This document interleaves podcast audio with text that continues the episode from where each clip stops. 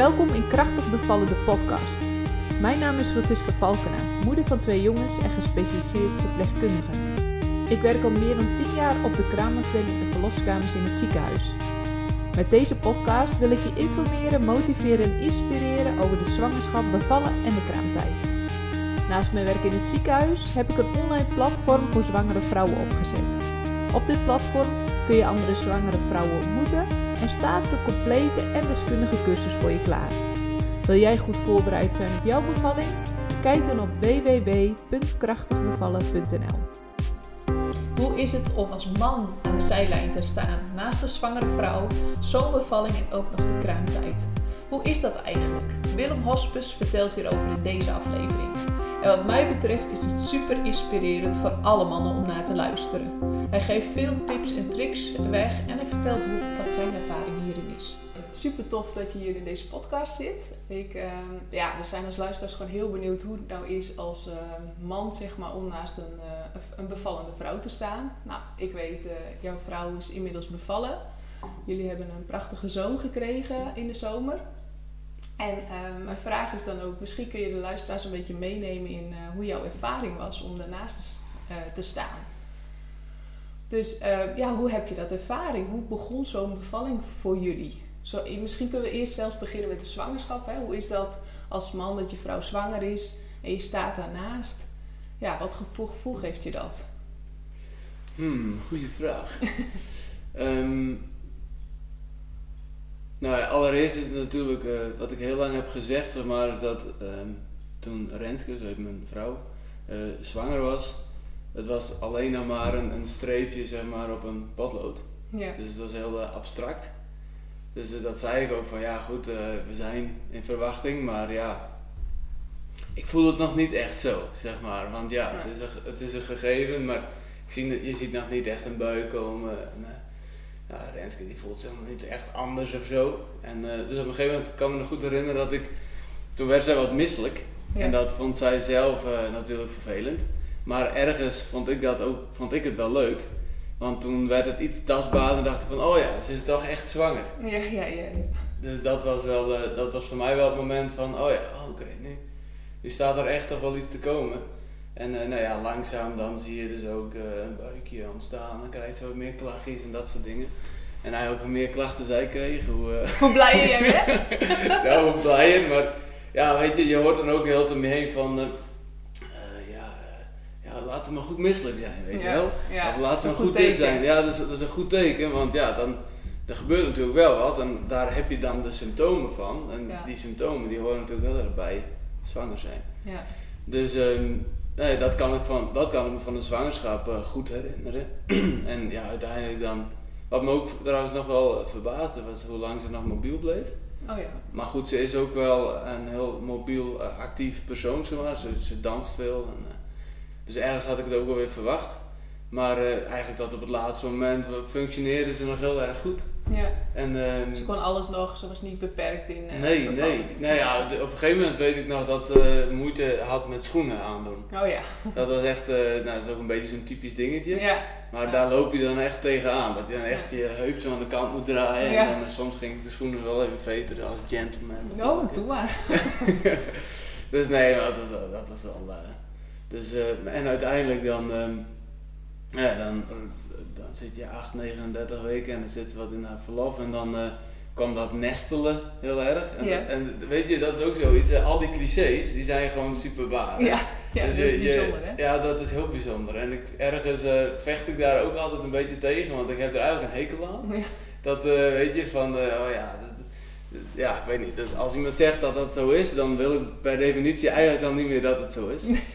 Maar, ehm, maar, maar dat was dus wel zo. Dus we liepen, ja, je loopt eigenlijk van cliché naar, Nou, cliché, ja, ja. Dat En, vind ik eh, ook echt. Met zwanger zijn en kinderen krijgen is dat echt... eh, Dat is, ja, ja, Ja. het is nu, nu trouwens ook zo. Niet alleen eh, eens tijdens de bevalling, of voor de bevalling, maar ook daarna, nu die kleine er is. En, ja. Het is allemaal een soort van uitgestippeld gebeuren. Ja. Alleen ja, Ja. je, jij, je, Je ervaart het nu zelf. je ervaart het zelf, ja, Ja. dus dat is anders. Ja. En eh, wat vond je toen je het voor het eerst kon voelen? Hè, dat je het echt die, die beweging kon voelen. Ja, dat vond ik ook wel. eh, nou ja, ik had het net over dat, ook dat abstracte. Ja. En toen dacht ik, oh ja, er zit echt wat in, weet Ja. je wel. Er gaat echt Ja. straks wat uitkomen. Ja. En die, eh, nou ja, die, ja, ik weet niet, ook gewoon dat het wat ging reageren en zo, voor mijn gevoel. Ja, Dus je had dan een soort van interactie. Dus nee, nee, dat, dat, nee, dat vond ik toen wel heel... eh, bijzonder. Oh, ja. ja, bijzonder. Ja. ja. Ja.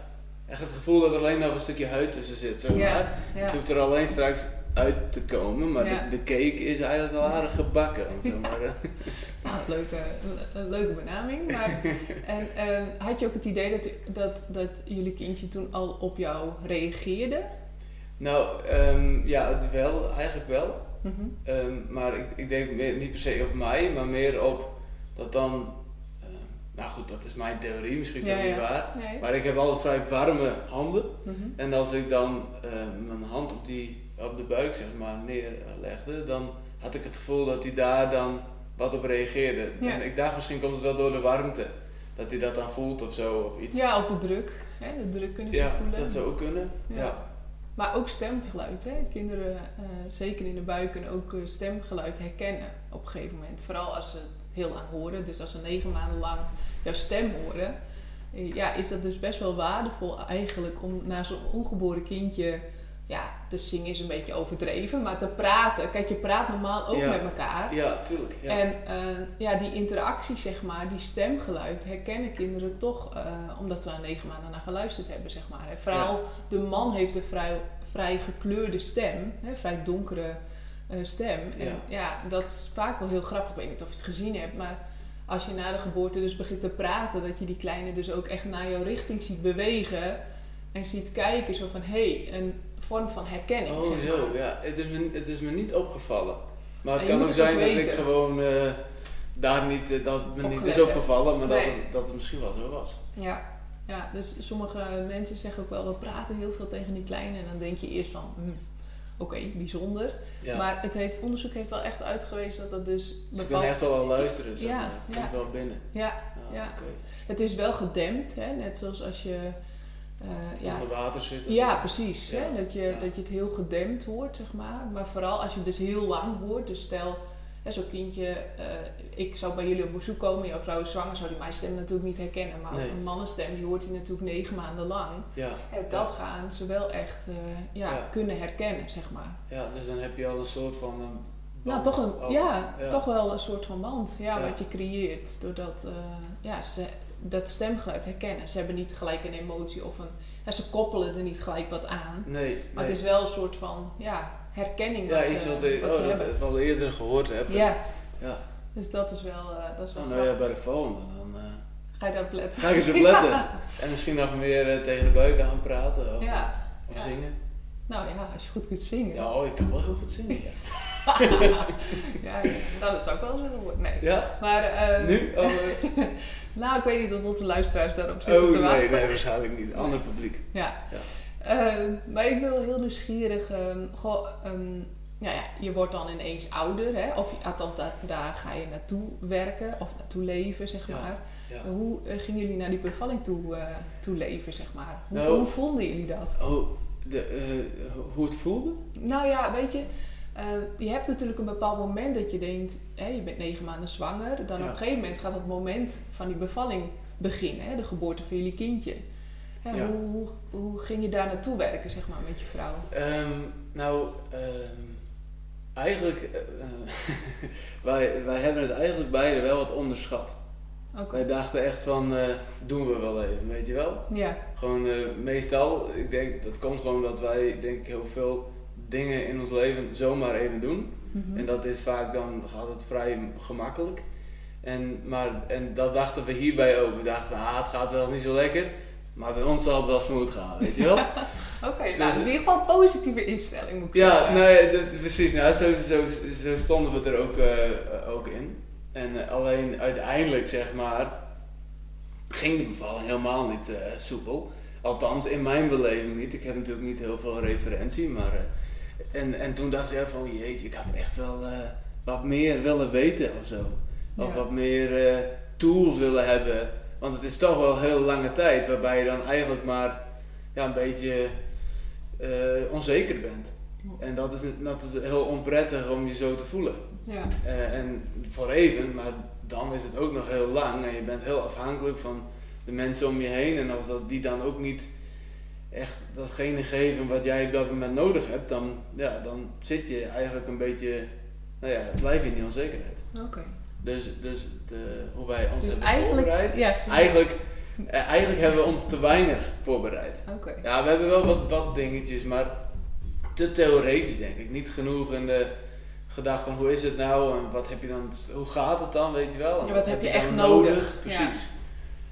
Dat, eh, dat vooral. Dus ik heb wel tijdens die bevalling wel een hele tijd gewoon heel onzeker gevoeld. Oké. En dat ik dacht, welke, over welke kant gaat dit op? Ja. Weet je wel? Ja. Het kan alle kanten op voor je gevoel zijn. Ja, ik denk echt van, eh, ja, eh, ik weet niet of ik nu al over de bevalling voor jou mag. eh, Ja, natuurlijk. Jij mag overal over praten. Nou, nee, maar op een gegeven moment was Renske was eigenlijk totaal niet meer als aanspreekbaar. Ja. Er zit nog een kindje in wat eruit moet. Dus Ja. zij is vermoeid, het kindje moet er nog uit. De ontsluiting die, die blijft stilstaan. En ik sta daar dan naast, weet je wel. Ja. Eh, met mijn adrenaline tot aan het plafond. En, Sky eh, high. ja, weet Ja. je, ik, ik kon er wel bij benen pakken, maar dat- je snapt, dat, dat werkt Ja. natuurlijk allemaal niet zo. Nee. Maar eh, dus, nou ja, uiteindelijk kwam er toen een, een zuster van, want we waren in het ziekenhuis. En die gaf toen wel wat, eh, wat tips en adviezen. Tips. En daarna ging het ook beter. Ja. En toen konden we daar een beetje mee verder. En toen, ja. Oké, maar om inderdaad even een stap terug te Ja, gaan. stap terug. Ja. Hè, je, je, eigenlijk gingen jullie er heel positief in. Hè? Dat is een beetje wat ik bedoel. Dus Ja. je ging eigenlijk een beetje onbevangen, positief in. Zo van, nou, dit gaan we gewoon eh, doen met z'n tweeën. ja, precies. Eh, misschien, ja, achteraf gezien misschien wat meer voorbereid. Maar goed, dat wist je toen nog natuurlijk niet. Nee, nee. Ja, en dan begint zo'n bevalling. Hoe begon dat eh, voor jullie? Nou, we waren, het was op een vrijdag. Ja. we waren uit eten geweest. Oké. Ja, bij, nou, ik zal het restaurant niet noemen, maar wij zijn uit eten geweest. En, Ja. en toen, ehm, nou, ze was toen 40 weken en één dag, of twee, één dag volgens mij, eh, was ze toen zwanger, dus echt hoogzwanger. Maar eh, je hoort dan allerlei verhalen en daar ben je ook wel mee bezig van hoe begint het nou, weet je wel? Wat Ja. zijn nou de tekenen, symptomen, waar moeten we op letten? Maar het, het leek gewoon echt een rots vast te zitten. Dus we denken, nou, we gaan wel gewoon wat, eh, wat door met ons leven en dan zien we wel. Ja. En toen kwamen we dus bij het restaurant vandaan en toen naar huis toe, et cetera. En toen ging ik een uur of twaalf op bed. En toen twee uur werd ik wakker gemaakt door eh, Renske. En die zei van, nou ja, eh, ik, eh, of ik moet plassen heel veel, of Ja. mijn vliezen zijn gebroken. En nou, toen waren haar vliezen dus gebroken. En, alleen de kleine was nog niet ingedaald. Dat wisten we ook. Oké. Dus, ehm, dus nou ja, dan wisten we, nou eerst even overleggen met de verloskundige praktijk. En, en goed, het was ook allemaal een beetje moeilijk, moeilijk, want wij waren in een andere regio en dat, nou, ook een heel lang verhaal hoe dat zit. Maar goed, in ieder geval, uiteindelijk kregen we advies dan horizontaal blijven. Ja, En, blijven eh, liggen. Ja, blijven liggen. Ja. Want als die kleine dan zou indalen, dan zou dat hoofdje van die kleine, die zou dan, eh, of de navelstreng zou tussen het hoofdje en, Ja. de, en de bekkenrand kunnen komen, geloof ik. En dat zou ja. die kleine dan eh, niet trekken. Dus dat wil je niet. Nee, En, het eh, is inderdaad zo, om ook even de luisteraars mee te nemen, dat op het moment dat je vliezen breken en je kindje niet is ingedaald, wat voor risico's je hebt, hè, doordat er dan een open verbinding is, hè, dan zou de naaldstreng daartussen kunnen glippen. Ja. Hè, dus, en dan zou het hoofdje dat wat kunnen afsluiten, waardoor een kindje dan weinig zuurstof krijgt. Ja. Hè? Dus dat is Ja. een situatie die je eigenlijk wilt voorkomen. En als je ligt, hè, doordat je horizontaal ligt, zeg maar, wordt die druk verdeeld. Hè? Dan Ja. heb je geen zwaartekracht. nee, ja, waarop het eh, kindje ja, dus dat is dan op dat moment veiliger. eh, Ja, ja, klopt. Maar goed, toen moesten we wel van eh, die situatie naar het ziekenhuis. Want we hadden afgesproken in het ziekenhuis te bevallen. Eh, maar ze mocht dus niet meer zitten.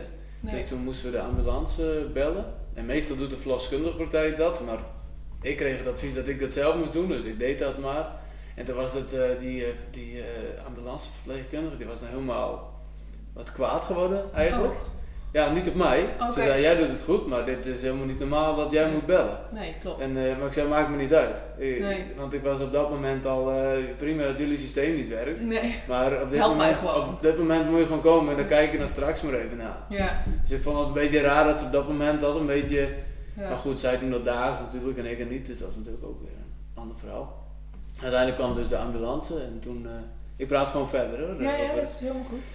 En eh, toen kwam de ambulance en eh, nou goed, wat ik me goed kan herinneren is dat op een gegeven moment, eh, zij waren bezig en ik stond daarbij. Ja. En, en toen zei ik nog tegen ze van, moeten jullie dat niet doen?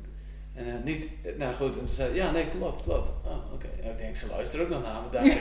En even later was die Brancard, die was bij het huis en toen zou ze erop halen en toen was er nog een gesp, die zat vast. Dus ik zei tegen hem, moet die gesp niet eerst los, want dan heb je haar zo meteen vast. En dan, Ja. Ja nee, inderdaad, die moest ook nog los. Maar ik zei, jullie luisteren wel naar mij. Ja nee, ze zeiden, we luisteren altijd naar de vader, als hij erbij staat. Want de vader, die, heeft, die zit heel hoog in zijn adrenaline en die, ze zeggen zelden wat, iets wat niet helpt. Nee. Dus eh, dat Wat vond ik wel een hele grappig. grappige Ja, opmerking. Ja. Dus, ja, eh, eigenlijk wel mooi, want dan voel je je ook wel een beetje gehoord. En ja, ja, in die situatie dat je het natuurlijk super spannend vindt dat het gaat beginnen. En dat je denkt, oké, en een ambulance. En ja, alles komt dan ineens ja, op Ja, je pad, zeg maar. precies. En meestal zijn die mensen, die zijn natuurlijk wel van, eh, "Hup, wij zijn de professional en bemoei je er niet mee. Nee, ja. En dat snap ik ook, want dat is ook zo. ja. Maar blijkbaar hebben ze toch wel vaak genoeg gehad dat dat toch wel hielp en dat nemen ze dan nu dan toch wel mee. Ja. Dus dat vond ik wel grappig. Nou goed, uiteindelijk, eh, Renske ging in de ambulance en ik moest de hond nog wegbrengen naar mijn ouders. Dus ik was ietsje later in het ziekenhuis. En toen, eh, nou, toen lag ze daar. Toen was het dus medisch, omdat de kleine niet was ingedaald. Mhm. En eh, nou, uiteindelijk daar een beetje wachten en toen eh, een beetje weeën kwamen er, een beetje rustig. En toen uiteindelijk was die kleine ingedaald, een paar uurtjes later. Ja, dat kan. Door middel van de weeën, zeg maar. Door de druk van de weeën. Ja. Ja, komt zo'n kindje dan vaak wat dieper te liggen. Ja. En dan kun je weer bewegen, zeg maar. Hè? Dan mag je soms weer van bed. ja, nou dat mocht inderdaad. Maar wat ik zelf dan wel weer, dat herinner ik me nu. Eh, ik denk, oké, ze mocht dan niet lopen, want dan kan ik in de zakken en dan kan die navelstreng, et cetera. Maar door de weeën, dan kan het dan net zo goed dat die navelstreng daartussen gaat zitten. Ja, maar meestal checken ze dat dan. Hè? Op het moment dat, dat ze denken, nou, misschien is het kindje nu ingedaald. Hè? Dan doen ze een touché, noemen ze dat. Hè? Dan voelen ze eigenlijk inwendig van, goh, sluit dat hoofdje goed aan op die ontsluiting. Hè? Op, die, ja, op die baarmoeder, zodat nou ja, dat dus niet kan gebeuren. Nee, oké. En dan op het moment dat dat gecheckt is, zeg maar, mogen mensen weer uit bed en kunnen ze weer gewoon vrij bewegen. Ah, oké. Hè, Ja. Dus daar zit vaak een check in eh, Ja, om te kijken of dat kan. Of dat dan, eh, oh, oké, oké, ja, dat is dan langs me heen. Ja, nou ja, dat, dat kan heel goed, want ja, er komt vaak zoveel op je af. eh, Ja, dat, dat, dat je de details vaak niet meer, eh, Nee, niet nee. meer kan onthouden. Maar meestal, eigenlijk, eigenlijk altijd doen we een check om te kijken van, goh, eh, zit het goed? ja, gaat dat goed? Voordat je weer uit bed gaat. Ja. ja. Ja. Oké, nou ja, dan is, maar dat was dan voor mij dus inderdaad wel ook al een wat een onzeker momentje. Ja, snap eigenlijk. Want logischwijs dacht ik van, huh, maar hoe weten we dan dat het nu goed gaat? ik. Ja. Dat Ja, ja. Maar ja, als man zijn snap ik dat ook wel. Want als vrouw voel je het misschien wel dat zo'n kindje indaalt. Hè? En, de, en want soms hè, voel je dan wat meer druk op die onderkant. Hè? Dat je, dat Oh, je het, ja. eh, va- het gevoel hebt, oh, dit is echt eh, anders. Ja, Soms kan je het ook heel duidelijk aan die buik van een vrouw zien. Hè? Dat, die dus, dat kindje heel erg veel gezakt is. Dus dat die buik veel lager een zit. andere vorm. eh, Ja, eh, maar ja, goed. Dat weten wij als professionals. En soms valt het je op, maar lang niet altijd. Want dan moet je er heel erg op gericht zijn. Het is ook niet heel duidelijk dat je gelijk ziet... Oh, dat is echt zo'n groot verschil. nee, nee, Hè, precies. dus ja. dat moet je maar net opvallen, ja, zeg maar. ja, ja, een beetje over hebben ook. Ja, Ja. maar goed, als man zijn denk je daar op dat moment heus niet aan. Nee. nee, nee, nee, het is gewoon allemaal nieuw merk ik dan. En het is je wel dierbaar. Ja, Dus die combinatie is natuurlijk wel lastig. ja. Ja, want wat keer. voelde je dan op dat moment? Dat je... eh, Verwarring of, of, of, of onzekerheid? Nou, ook wel wat een blijde verwachting natuurlijk. Ja. Want je denkt van, oh, nu eh, straks... Heel eh, spannend, ja, eh. spannend, ja. Maar, ehm, maar, ook, maar ook wel af en toe een beetje onzeker, inderdaad. Van, nou, hoe... ja, dingen gingen toch... Het werd in één keer wat medisch. Oh, die kleine is niet... Oh dat, oh, dat mag dan niet. Dat was voor mij... Oh, dan moet hij... ja, Oké. Allemaal wat dingetjes waren er van... eh, ja, maar we moeten wel even hierop letten. Ja, maar we moeten wel even daarop letten, zeg maar. Ja, want hoe hadden jullie het voor ogen? Hoe, had je het van tevoren, hoe hadden jullie het van tevoren bedacht, zeg maar? Nou ja, wij dachten van oké, op een gegeven moment merk je van oh, nu gaat het wat beginnen. En Ja. dan eh, heb je even contact en dan rij je zelf naar het ziekenhuis toe Oh ja. en dan ben je daar samen lekker en dan heb je het er wat over en dan komt het zo een beetje op gang. En nu was het in één keer zo van eh boem, ambulance, we werden eigenlijk uit elkaar gerukt. Ja, En eh, toen later kwamen we weer bij elkaar, maar ondertussen was Renske wel wat bijgepraat over dingetjes, maar ik dan niet. ja, En dan kom je wel weer in één keer in dat proces. ja. En nou ja, dan heb je al wat een, wat een valse start. Voor je gevoel je... valse start. ja. Maar gaat het, vanaf, dan gaat het, en daarna liep het allemaal ook anders dan ik had verwacht. Dus ja, helemaal, ja. Je verwachtingen kloppen niet meer bij het beeld nee, wat je had nee. misschien. En het kwam, ook niet weer, het kwam ook niet weer bij elkaar. Nee. Dus het was gewoon één grote ja, eh, rollercoaster, Ja. naar mijn idee. En Ja. weet je, ook, dat is ook weer zo'n cliché, het, het was een hele bevalling. Ja. Eh, of zo'n uitspraak. Ja. Maar dat, dat heeft voor mij ook veel meer lading gekregen. ja, dat snap ik, Dat, ja. dat, eh, waarschijnlijk is een bevalling gewoon altijd wel een hele bevalling. Ja.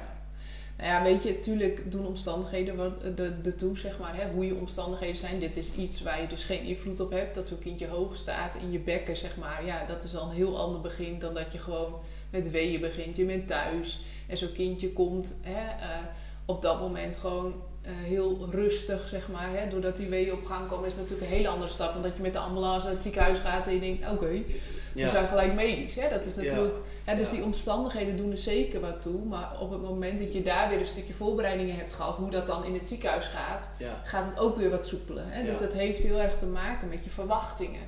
En wat verwacht je van zo'n bevalling? ja. En als je een super rooskleurig beeld had, zeg maar, bij zo'n bevalling, ja, dat had ja, ik. dan is het wel zo dat je natuurlijk sneller onzeker wordt. Of Ja. ja, dat, dat je meer vragen hebt, eh, informatie mist voor je gevoel. Ja. Dat je een beetje Ja. die controle ja, kwijtraakt. ik dat wel is het waar. Ja, ja.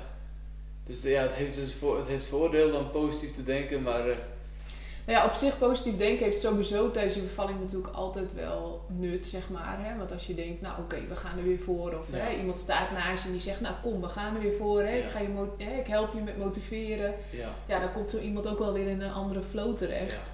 Dan dat je de hele tijd denkt, oh nee, eh die kan ik niet. En, eh, Nee. Nu is het helemaal anders en dit trek ik niet. En hoe gaat Weet je, dan zit je weer in een heel ander... Ja, ja, hè, Dat is wel een groot verschil natuurlijk. Ongeacht wat dan de omstandigheden eigenlijk ook zijn. ja. Nee, dat is waar. Ja, nee, dat klopt. Maar goed, jullie eh, kwamen in het ziekenhuis. Het begon dus uiteindelijk. Uite- Ja, het begon dus en dan ze, ze kreeg zo'n... CTG. Ja, de- ja, om, het kindje eh, te, te monitoren, denk ik. Ja, en ook dat ze de weeën zag je ook op een monitor. eh, Ja, dat. CTG. Ja. Ja. Nou, dus dat, eh, en dan zag je echt zo, en dat was wel leuk voor mij ook, want dan zag ik het een beetje. Ja, hoe jullie kindje deed, zeg maar, zag je op een monitor terug. Ja, precies, dat hartslagje, et cetera, wat eh, op en neer. En, eh, nou ja, goed, dat was ook weer eh, een nieuwe ervaring hoe dat allemaal ging en zo. En, eh, maar die weeën werden dus eh, nou, steeds heftiger natuurlijk, dus die kwamen lekker op gang. En wat, wat mij daarbij ook opviel, is dat al heel snel eh had Renske al zoiets van, eh, dit is wel heel heftig, Ja. zeg maar. Ja, Dus die, die was ook een beetje met maniertjes bezig van hoe kan ik hier het beste mee omgaan. ja. En, eh, dus uiteindelijk was de manier dat ze gewoon de hele tijd rondliep. En wanneer dan een wee kwam, dan ging ze eigenlijk voorover, eh, leunen op een stoel. En dan ging ze eigenlijk meebewegen met de wee met haar heup. Als een soort beetje, beetje een soort van dansen, zeg maar. Nou, dat kwam haar dan wel goed. Dat eh, kwam haar wel goed uit. Zo ze het beste de, die weeën opvangen, zeg maar. Ja, Ehm, dus, en dat ging dan een hele lange tijd zo door, tot een uur of, even kijken, toen één uur, toen heb ik de verloskundige gebeld. Want toen waren we gewoon benieuwd een beetje van eh, hoe wat. ga wat is het plan, de campagne, Eh, zeg ja. maar. dat Nee. zijn vaak mannen, hè? Die willen dan een soort van op Ja, maar, dit, ja, maar Rens, Renske die wou, eh, Ja, die, die wou, die wou dat ik de verloskundige belde. Oh ja? Ja, want die was er eigenlijk wel een beetje klaar mee. En eh, die Ja, wou wel gewoon dit. even weten hoe het ga- gaat en zit en vooral wat de Ja. ontsluiting was en dat soort dingen. En toen had zij gezegd van, ja, ik ben er drie uur. Nee, ik ben er twee uur, dat zei ze. Uiteindelijk was het er drie uur. En we hadden ook, ik had ook het idee dat ze niet zo heel veel, niet heel graag wou komen of zo. Ja. Weet je wel? Dus ik denk van ja, waarom, eh, Waarom kom je niet? waarom kom Het je is niet? gewoon een gewoon? afspraak. Je had twee uur gezegd. Waarom ja, kom je nu precies. niet? Ja, Maar ze was gewoon echt een uur te laat, zeg maar. En, eh, Ja, dat, dat is wel heel grappig, want jij ziet het als een uur te laat. Hè?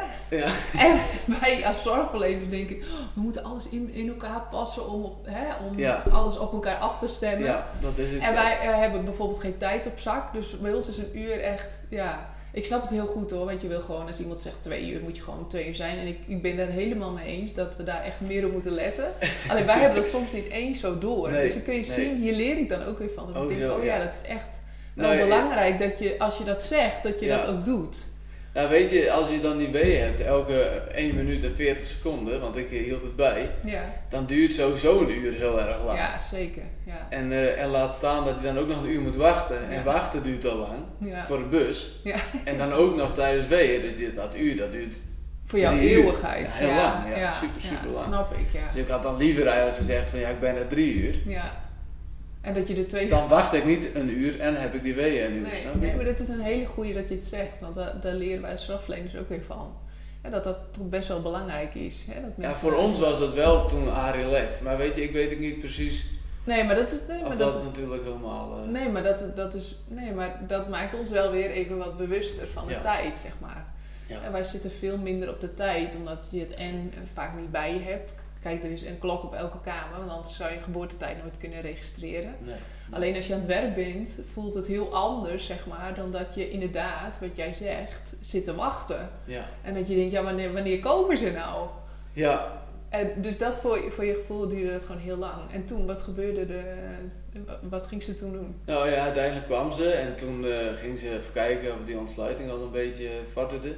Maar dat was niet zo, dus dat was een beetje teleurstellend. Ja, dat snap En, eh, en nou ja, goed, en daarna die wegen gingen een beetje door. Alleen wij waren wel heel erg, eh, hoopten dat zij ons een beetje ging begeleiden met, eh, god, hoe kunnen we hier nu even mee omgaan? Want het is, eh, ja, we vonden het wel een beetje pittig. Ja, En weet je, als ze, als ze had gezegd, nee, dit hoort erbij, gewoon doorzetten, dat was, ook, dat was ook een antwoord. Maar wij dachten dat wij misschien iets konden doen of zo, weet je wel. ja.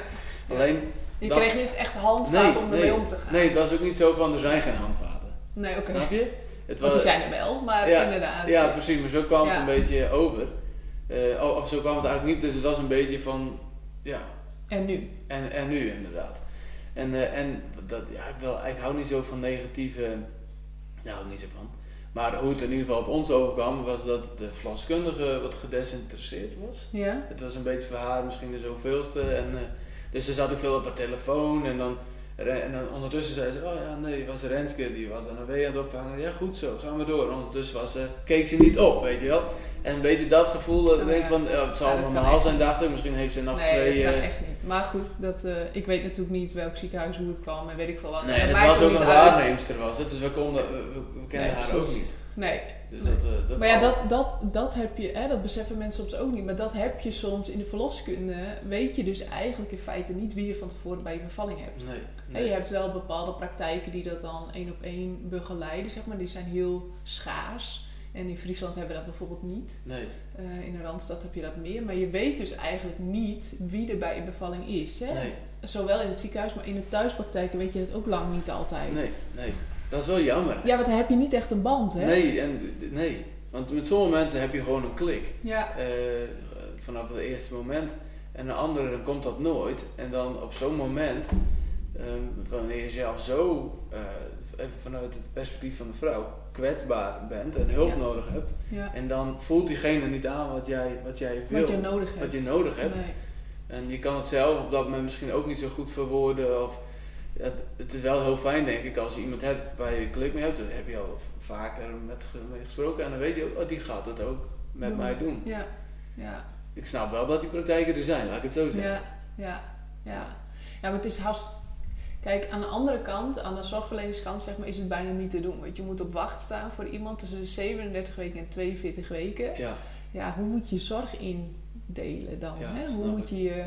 Dus Ja. dat is heel lastig, terwijl ja, dat, dat zou de ideale wereld voor mij ook zijn. Ja. Gewoon één iemand die je kent, waar je een band mee op hebt Ja. gebouwd en weet wat je nodig hebt. Ja.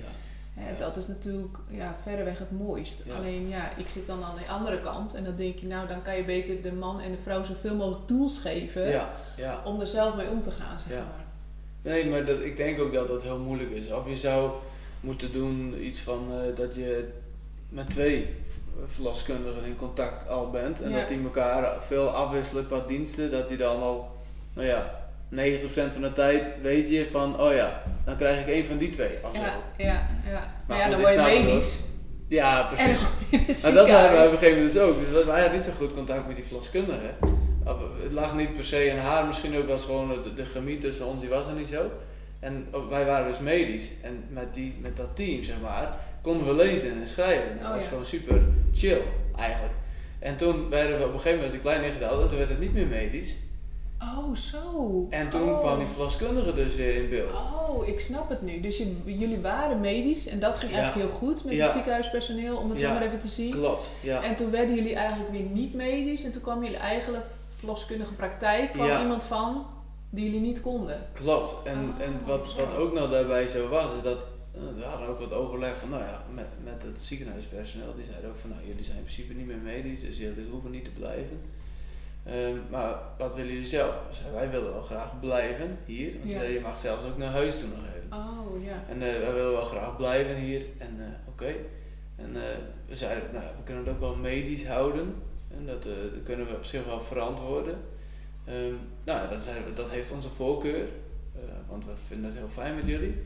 En oké, was het. En toen, eh, een half uurtje later, toen eh, kwamen ze terug en toen had, de verloskundige praktijk gebeld. En die had voor mijn gevoel een beetje Ja, die had gezegd, dat gaan we niet doen misschien. Precies, die had het soort van, Ja. ehm, nou ja, niet ons belang vooropgesteld, maar eh, het belang van de verloskundige praktijk. Zo kwam het op mij over. Ja. En Ja. die, die waren er ook weer tussen gestapt. Daar heb, ik- dat hebben we toen gewoon laten gebeuren, om te denken, weet je, eh, daar hebben we helemaal geen ja, zin in. Nee. Maar op dat moment voelde dat natuurlijk een beetje niet echt prettig. nee. En uit- nou, uiteindelijk werd het dus weer medisch, helemaal verderop in het verhaal, en daar was ik dan ook wel weer blij mee. Oké. Ja, Ja, grappig, want soms hoor je weer verhalen andersom. En dit, dit soort verhalen heb je ook. Ja, dus het is niet, het een of het ander is niet goed. Hè? Het, is, het is gewoon, je hebt twee instanties die zorg leveren. Ja. En het is wat je zegt, het is eigenlijk die menselijke klik die je nodig hebt. Ja, het had net maakt goed andersom kunnen Ja, precies. Het Ja. maakt eigenlijk niet uit wie dat dan Nee, doet. Hè? Dat klopt. probeer ik mensen ook altijd te zeggen. Joh, het maakt niet uit of je nou in het ziekenhuis of thuis bevalt. Hè, ik ben ook niet voor het een of tegen het ander. Helemaal niet. Maar Nee. als je maar zorgt dat je een soort van ontspannen bent op de plek waar je bent. Met de Ja. mensen die je om je heen hebt. Ja. Eigenlijk is dat, wat jij ook zegt, hè, is dat eigenlijk het allerbelangrijkste. ja, het is inderdaad helemaal niet dat ik zeg eh, ik ben eh, pro-ziekenhuis en Nee, tegen de verloskundige praktijk. Want dat had inderdaad net zo goed andersom kunnen zijn. Ja, maar goed, het doet wel wat met je hè, op dat moment. Hè, dat er dus iemand komt waar je dan misschien geen klik bij hebt, waar, ja, waardoor je dus het gevoel hebt een beetje aan je lot misschien overgelaten te worden. Of, of althans, dat haal ik een beetje uit je verhaal. Hoor. Ja, nee, zeggen, denk, niet denk- ja, nee, ik denk wel dat het, eh, ja, ja. Nou, weet je, allemaal lot overgelaten, dat klinkt een beetje heftig. Ja, ja. Maar ik had wel zoiets, het had niet mijn voorkeur, nee. zeg maar, dat wel. Ja, Ja. oké. En eh, ja, ja, goed. Maar goed, zij ging met die weeën. Kon je, kon je daar nog iets mee helpen? Kon nou, je ja, in principe zeggen? niet. In principe wou, wou ze het allemaal een beetje zelf doen, zeg maar, en vooral niet helpen. Mhm. En, eh, maar wel er gewoon zijn. Dat is ook weer zo'n typisch cliché iets. Ja. hè. Je moet er wel zijn, maar je mag niks doen. Ja. Nou, dat was ook zo. En eh, dus stiekem ging ik dan wel eens even naar het toilet toe. Ja. Als ze niet Als ze door net in de wezen had, weet je wel. Snel weg al. Kom zo weer, schat. Ja. Niks zeggen. Oh. Nee, en dan, eh, maar, maar goed, uiteindelijk, ehm, dus eerder, eerder niet, maar ehm, pas veel later in het proces, toen had de verpleegkundige verteld, nou ja, misschien kan je proberen samen, zeg maar, te puffen. Mhm. En die vertelde ook een beetje hoe je dat het beste aan kan doen, et cetera. En eh, dat hebben we toen urenlang samen gedaan. Oké. En dan ging ik, ik was echt maar de, de lead zinger, zeg maar. Ja. En zij volgde mij. Oh ja. Weet je wel, eh, want ze, was zelf geneigd om dat te veranderen, dat eh, patroon. Ja. Om Door de dan pijn toch te misschien. reageren op de pijn inderdaad, of Ja. Dus, eh, en dat heb ik wel wel zo prettig ervaren toen. Want toen kon ik zelf, nou ja, dat, nogmaals een cliché, maar toen kon ik eh, wat doen. Ja. Ja. En dat voelde heel fijn. Ja. Ja. Toch een stukje... Ja, dat je haar een soort van kan helpen met iets. Ook al is het maar... Ook al is het puffen of weet ik veel Ja. wat. Of Ja, ja, dat je ziet dat, dat, eh, ja, dat je aanwezigheid zeg maar helpt. ja precies. Ja. Ja, ook al is het maar iets kleins. Ik, heb, ja, ik zie dat ook heel vaak bij die mannen op de verloskamer. Ik heb natuurlijk eh, in die tien jaar al zoveel bevallingen gezien. En op het moment dat mannen iets kunnen doen, dan ineens denk je, yes, weet je, ik kan iets doen. Want ja, Ja. het is natuurlijk ook wachten. eh, en het Ja. is dan, we zijn ook niet meer gewend om te wachten, laten we eerlijk wezen. Het is een soort tre- sneltrein waar we tegenwoordig zijn ingestapt en nooit weer uitkomen. Nee, Soms. nee, nee. Negatief gezien, maar ik bedoel een beetje om aan te geven. Ja. En dat oh, als je op zo'n moment ineens een dag niks doet of gewoon aanwezig bent, is best wel een uitdaging. Vind je niet? Althans, dat ervaar ik bij de me- meeste mannen dat ze denken, ja jeetje, wat moet ik nu? Ja, Het gevoel van, ja, Ja, wat kan ik nu? Ik, ik, ik snap wel wat je zegt. Hoe ik het zelf ervaren heb, is het, het niet zozeer het, wa- het wachten. Ja, ook wel het wachten, maar vooral omdat je iemand ziet waarvan je veel houdt. Me- meestal is dat zo, hou je Ja. wel van diegene. Ja, En dan, dat diegene dan echt wel aan het eh, lijden is, Ja. zeg maar. Echt pijn heeft. mhm. En de- je hebt iemand ook nog niet zo gezien nee, eerder. En je wil iemand dan dolgraag helpen. ja, Dat al, al je vezels in je lijf willen gewoon dat voor diegene draaglijker maken. ja, Maar alles wat jij bedenkt en doet, dat, dat wil niet, dat lukt niet. dat helpt niet. Dat helpt niet. Nee. Nee. Dus, en dat, eh, ik denk, voor- vooral, ja, en dan duurt het lang. Dus dan zit er ook wel een kwestie van wachten bij. Maar wanneer, het, wanneer je het samen meer zou doen, Ja, ik denk dat dat wel heel anders, eh, dat het dan minder als wachten voelt en meer gewoon als een marathon die je moet gaan lopen of zo. ja, Wat ja. ook uren duurt, maar dan ja, heb je wel het gevoel dat je iets kunt doen. Iets ja, kunt ben je samen een beetje aan het presteren of zo. Ja. Ja, ik weet niet of ik het goed uitleg of zo. Nou, ik denk dat je, dat- dat je daar juist een heel helder punt hebt. Want dat is nou juist, denk ik, ehm, wat je sterkte maakt als team. Hè, ik noem het maar even een team, want ja, Ja. Hè, zoals je beschrijft, het is een soort van marathon die je loopt. Nou, ik denk dat ik gebruik die vergelijking ook altijd. Oh. Want het is een hele intensieve inspanning die je doet. Hè. Je lichaam vergt heel veel van je, van een vrouw tijdens zo'n bevalling. ja. Ja, en als je dan, ik zeg ook altijd, hè, die mannen moeten een soort van supporters worden aan de kant van zo'n marathon. Ja, Hè? Want als je dan die aanmoediging hebt, hè, je hebt iemand die je bijstaat, zeg maar, ook al zou die bij wijze van spreken helemaal niks doen, maar wel gewoon echt aanwezig zijn, ja, is natuurlijk een heel groot verschil wat je er doorheen sleept. ja. Hè? eh, ik bedoel, als je in de voetbalstadions eh, eh, zit hè, en die mannen lopen achter een bal aan, het is super, eh, die mannen doen in principe, die achter de bal aanlopen, doen het werk. ja. Maar ja. jij als supporter bent wel daar lijfelijk aanwezig, Ja. bent heel enthousiast. Je voelt die adrenaline misschien wel net zoveel als die mannen op het veld. Ja, ja. Hè? En ondertussen sta je met je spandoek en je toeter en weet ik veel wat, sta je daar te schreeuwen. Of dat niet tijdens een bevalling, maar Nee. om een beetje die vergelijking te nemen. Ja, ja. Je, je helpt die mensen daar wel bij. Ja. Hè? Ja. Dat voelen die mensen die aan, nou, achter zo'n bal aanlopen, voelen dat. Maar dat, is Ja. tijdens zo'n bevalling ook zo. Als jij echt Ja. aanwezig bent en jij motiveert je vrouw op een positieve manier, hè, of je moedigt haar aan, zeg maar, dat doet best wel heel veel voor zo'n vrouw tijdens zo'n bevalling. Ja, ja. Dus dat is denk ik ook wel een van de tips die we misschien kunnen meegeven. Dat dat Mm. misschien wel het meest waardevolle Ja. is eh, wat Nou, je goede kunt doen. vergelijking. Ja. Je ziet het inderdaad ook wel met het, eh, nu met corona, dat die, die stadions Ja, zijn leeg. zijn leeg en hoeveel moeite ze dan hebben om hun niveau te halen die ze normaal Zouden hebben. zouden hebben. Ja. Dus ze presteren gewoon echt minder zonder dat, Ja. die aanmoediging. Ja, maar ik, ik merk het zelf ook altijd. Ik loop daar zelf ook wel eens hard. Maar ik presteer ook honderd keer beter in een wedstrijd dan dat ik dat niet heb. Terwijl je zou perfect beide kunnen, zeg maar. Hè? Ja. Datzelfde niveau zou je kunnen halen ook in een training. Maar je doet het gewoon niet. Nee. Of je redt het niet, lichamelijk Nee. en, en eigenlijk geestelijk, Geestelijk, ook. Ja, ja. Omdat die, die druk zit er niet op, die aanmoediging zit er niet op. Dus die prestatie is gewoon ja, minder. ja. Ja. En dat is bij zo'n bevalling eigenlijk ook zo. En dat is ook in het voortraject denk ik wel heel belangrijk. Dat je, je kunt je niet exact een beeld schetsen van hoe het zal zijn. Want je hebt het nog nooit gedaan. Hè? Nee. Je hebt het nog Nee. nooit gevoeld. Nee, nee. En eh, dat is soms ook wel weer de valkuil met de tweede. Hè, want mensen die bijvoorbeeld van de eerste heel makkelijk zijn bevallen, denken, nou, dat zal de tweede ook wel zo gaan. Maar geen bevalling, dames en heren, geen bevalling is gelijk. Nee. nee. Hè? En dat is ook met een eerste, een tweede, een derde, een vierde zelfs. Er is gewoon bijna, heeft geen enkele vrouw een vergelijkbare bevalling. Dus dat is ook wel weer geeft iets de unieks. moed. Ja. ja. Nee, maar oké. ja. Dus dat, dat, ja, ook daarin kan het heel anders lopen. Ja. Ja. En dat is goed, denk ik, om ook mee te geven, om je eh, te realiseren. Dat Om weer een realistisch beeld te krijgen. Nou ja, in feite wel. tweede, Ja. In feite wel, ja. ja. Ik heb nu vrouwen in de cursus die voor de derde gaan soms. En dan zijn ze bevallen en zeggen ze... Wow, wat een verschil nog. Ik dacht dat ik het wel wist, maar... Hè, ja, dan zakt dat weer, de kennis weer weg. Of je weet niet meer precies meer. Of je hebt bepaalde dingen onthouden die jou heel erg zijn bijgebleven. Maar ja, is dat nog het realistische beeld? Ja, Vraag je dan ja. Het schijnt ook wel zo te zijn, toch? Dat, eh, ik, je moet zeggen, misschien klopt het helemaal niet, of misschien weet je het ook niet, maar dat eh, vrouwen die krijgen een bepaald stafje komt er vrij, waardoor ze het minder goed zeg maar ook herinneren.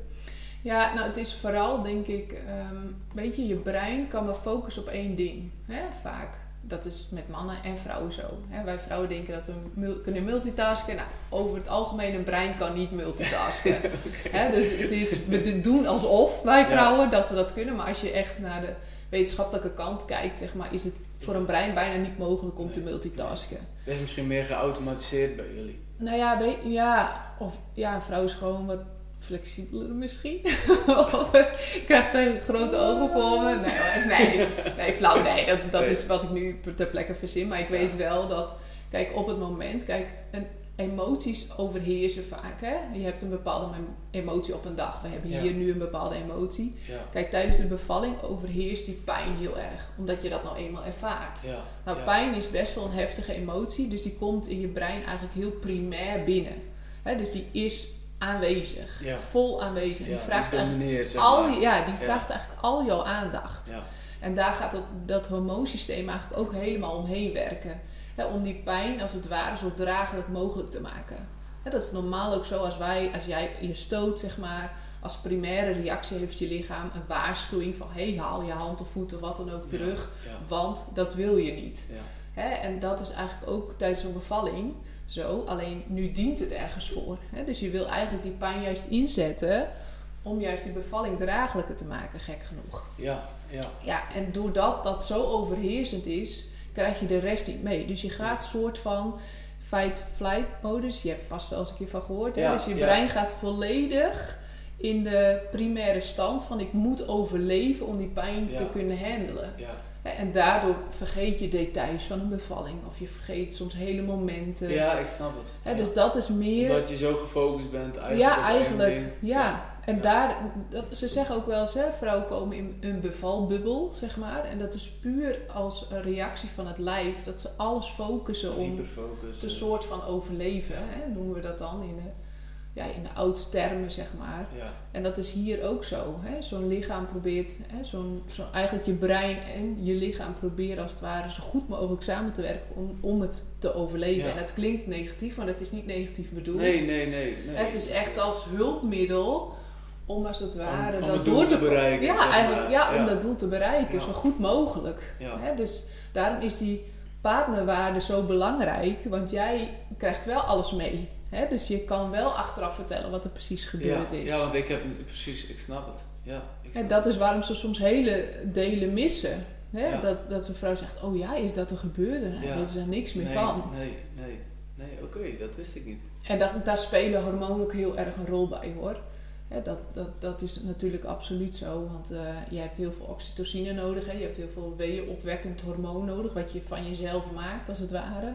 Ja, en als je daar een bepaalde ontspanning in vindt. Hè? Dus je, jij gaf aan, je vrouw deed dan een beetje bewegen. Nou, ik zeg Ja. altijd, bewegen is echt supergoed. Hè? Ja. Hoe meer je beweegt, hoe beter een kindje kan indalen ja. hoe meer je als het ware je lijf kunt gebruiken om die pijn zeg maar een beetje ja, op een natuurlijke manier te onderdrukken. Ja. En als dat lukt, dan komen die endorfines vrij, waardoor die pijn ook minder wordt. Hè? Dat zijn dan die natuurlijke pijnstillers die dan vrijkomen. Dus die hormonen hebben heel veel invloed in zo'n proces. Ja, ja. En als je vooral in de angst zit, of in de pijn-emotie, zeg maar, ja, dan komen dat soort natuurlijke processen minder goed op gang. Waardoor Ja. je minder goed zo'n bevalling aan kunt. Nou goed, ik eh, word weer helemaal enthousiast over hoe dat precies gaat. Maar dan gaat mevrouw Nee, in ik, jouw eh, ik, verhaal. hang aan je, ik hang aan je lippen. Ja. Eh, Ik ben blij dat ik wat opsteek. Ja, ja, nu Ik nog. kom vast als een tweede wellicht, als, als het lukt natuurlijk. Ja, dan heb je hier nog eh, misschien wat aan. ja, dan ga ik, me- ga ik deze podcast nog een keer luisteren. Ja, ja, nou doe dat. Ik denk dat je er nog versteld staat. Nee, eh. zelf luisteren, altijd leuk. Ja. Het is altijd even wennen. Altijd maar... even wennen, dat vooral, ja. Ja.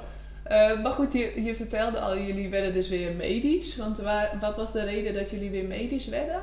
Ehm, dat, het hartslagje ging op een gegeven moment te, tijdens een wee, als ik het fout heb, moet je het zeggen, maar Mhm. dit is wat ik geleerd heb, Ja. is dat tijdens een, een wee komt en gaat als een golf en ook eh, dan krijg je natuurlijk heel veel aanspanning van die spieren en die kleine die komt dan ook onder druk te staan natuurlijk, Mhm. want die moet eigenlijk eruit. Ja. En ehm, dan het hartslag reageert erop van die kleine en die zakt dan ook.